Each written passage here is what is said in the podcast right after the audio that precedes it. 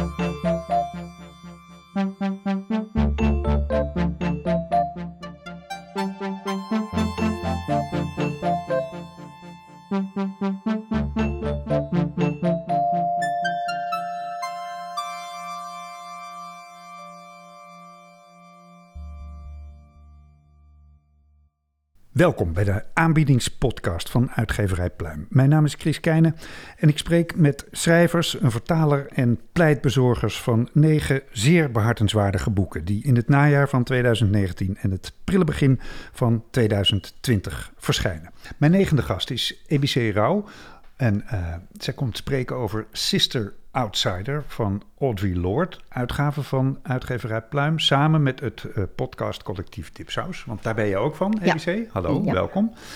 Um, ja, toch maar de domme beginvraag. Wie is Audrey Lord?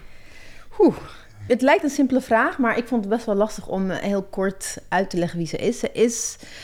Uh, ze noemt zichzelf in ieder geval a black lesbian mother warrior poet. Dat is hoe ze zichzelf beschrijft. Zij, zij is een zwarte lesbische feministisch schrijver. Zij is, uh, hoe zeg het in, hoe zeg je het in het Nederland? Dit is Dipsaus Engels, dus ik ga switchen naar Dipsaus Engels. Dat, dat, dat um, begrijpen we wel, denk ik. zij was de contemporary van Angela Davis, uh, James Baldwin, Langston Hughes van uh, de Civil Rights Movement. Ja. Be belangrijke zwarte denkers van de jaren Civil Rights Movement, jaren 60, 50, 60. Hm. Maar zij is ook belangrijk geweest voor de anti global antiracisme movement. Dus niet alleen maar Amerika, maar ook globaal. Want ze, ze was ook een Marxist. Hm.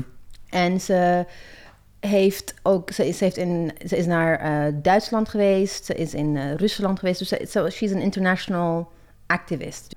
Ze heeft dus een hele, een hele brede scope. Ja, ze is een van de grondleggers van uh, Black Feminism. Mm -hmm. Dus Black Feminist Theory, wat van, tot vandaag de dag gewoon uh, nog steeds relevant is. Zij is een van de belangrijke grondleggers. Ja. Nou is er natuurlijk de afgelopen 50 jaar uh, ontzettend veel geschreven over de burgerrechtenbeweging, over alles wat die losgemaakt heeft, over alles wat er daarna gebeurd is. We zitten, we zitten voor een deel nog midden in dat soort gesprekken. Um, wat maakt dat we nu toch na 50 jaar uh, de essays van Audre Lorde moeten lezen? Ja, nou, um, bedoel je het in het binnen, binnen een Nederlands context of... Uh... Amerikaans context. Nou, ik, ik vind wel dat we het even moeten lokaliseren. En ik denk uh, if we're talking in, in the Dutch context, we zijn juist aan het begin ja. van die beweging. Er is natuurlijk heel veel geschreven, ook in de jaren 60, uh, 70, 80 in Nederland, maar dat, dat is allemaal on the fringes. Ja.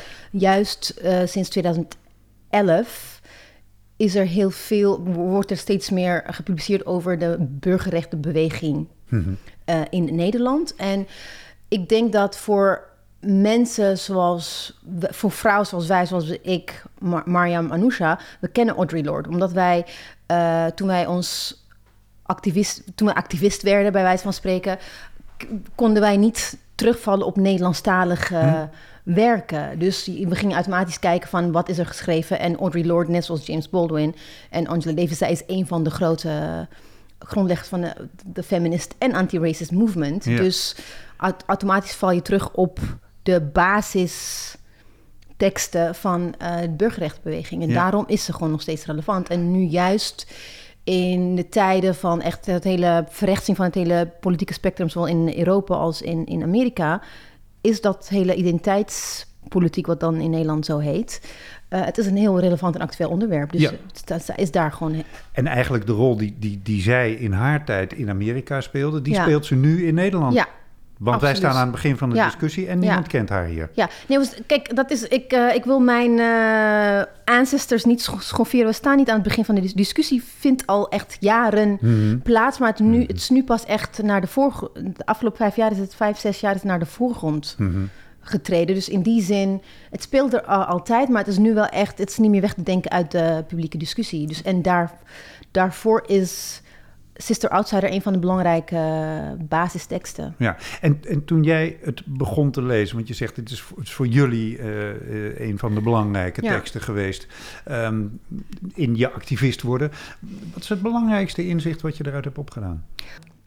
De belangrijkste lessen voor mij uit, van, van Sister Outsider, specifiek Sister Outsider, mm -hmm. zijn het feit dat ik niet meer zo reactief moet zijn op alles wat er speelt, maar dat ik moet activeren. En juist de me- zwarte vrouwen, niet alleen maar zwarte vrouwen, maar vrouwen van kleur, moet een platform moet bieden. En dus dat we met elkaar in gesprek moeten gaan, in plaats van altijd maar in debat gaan met Mhm. de tussen aanhalingstekens de tegenstander. Dus dat we echt met- juist als we met elkaar het gesprek aangaan, weten we ook wat we nodig hebben om vooruit komen. Ja, dankjewel. EBC Rauw, eh, ze sprak over Sister Outsider van Audrey Lorde. En dat verschijnt in februari 2020. Koop het allemaal.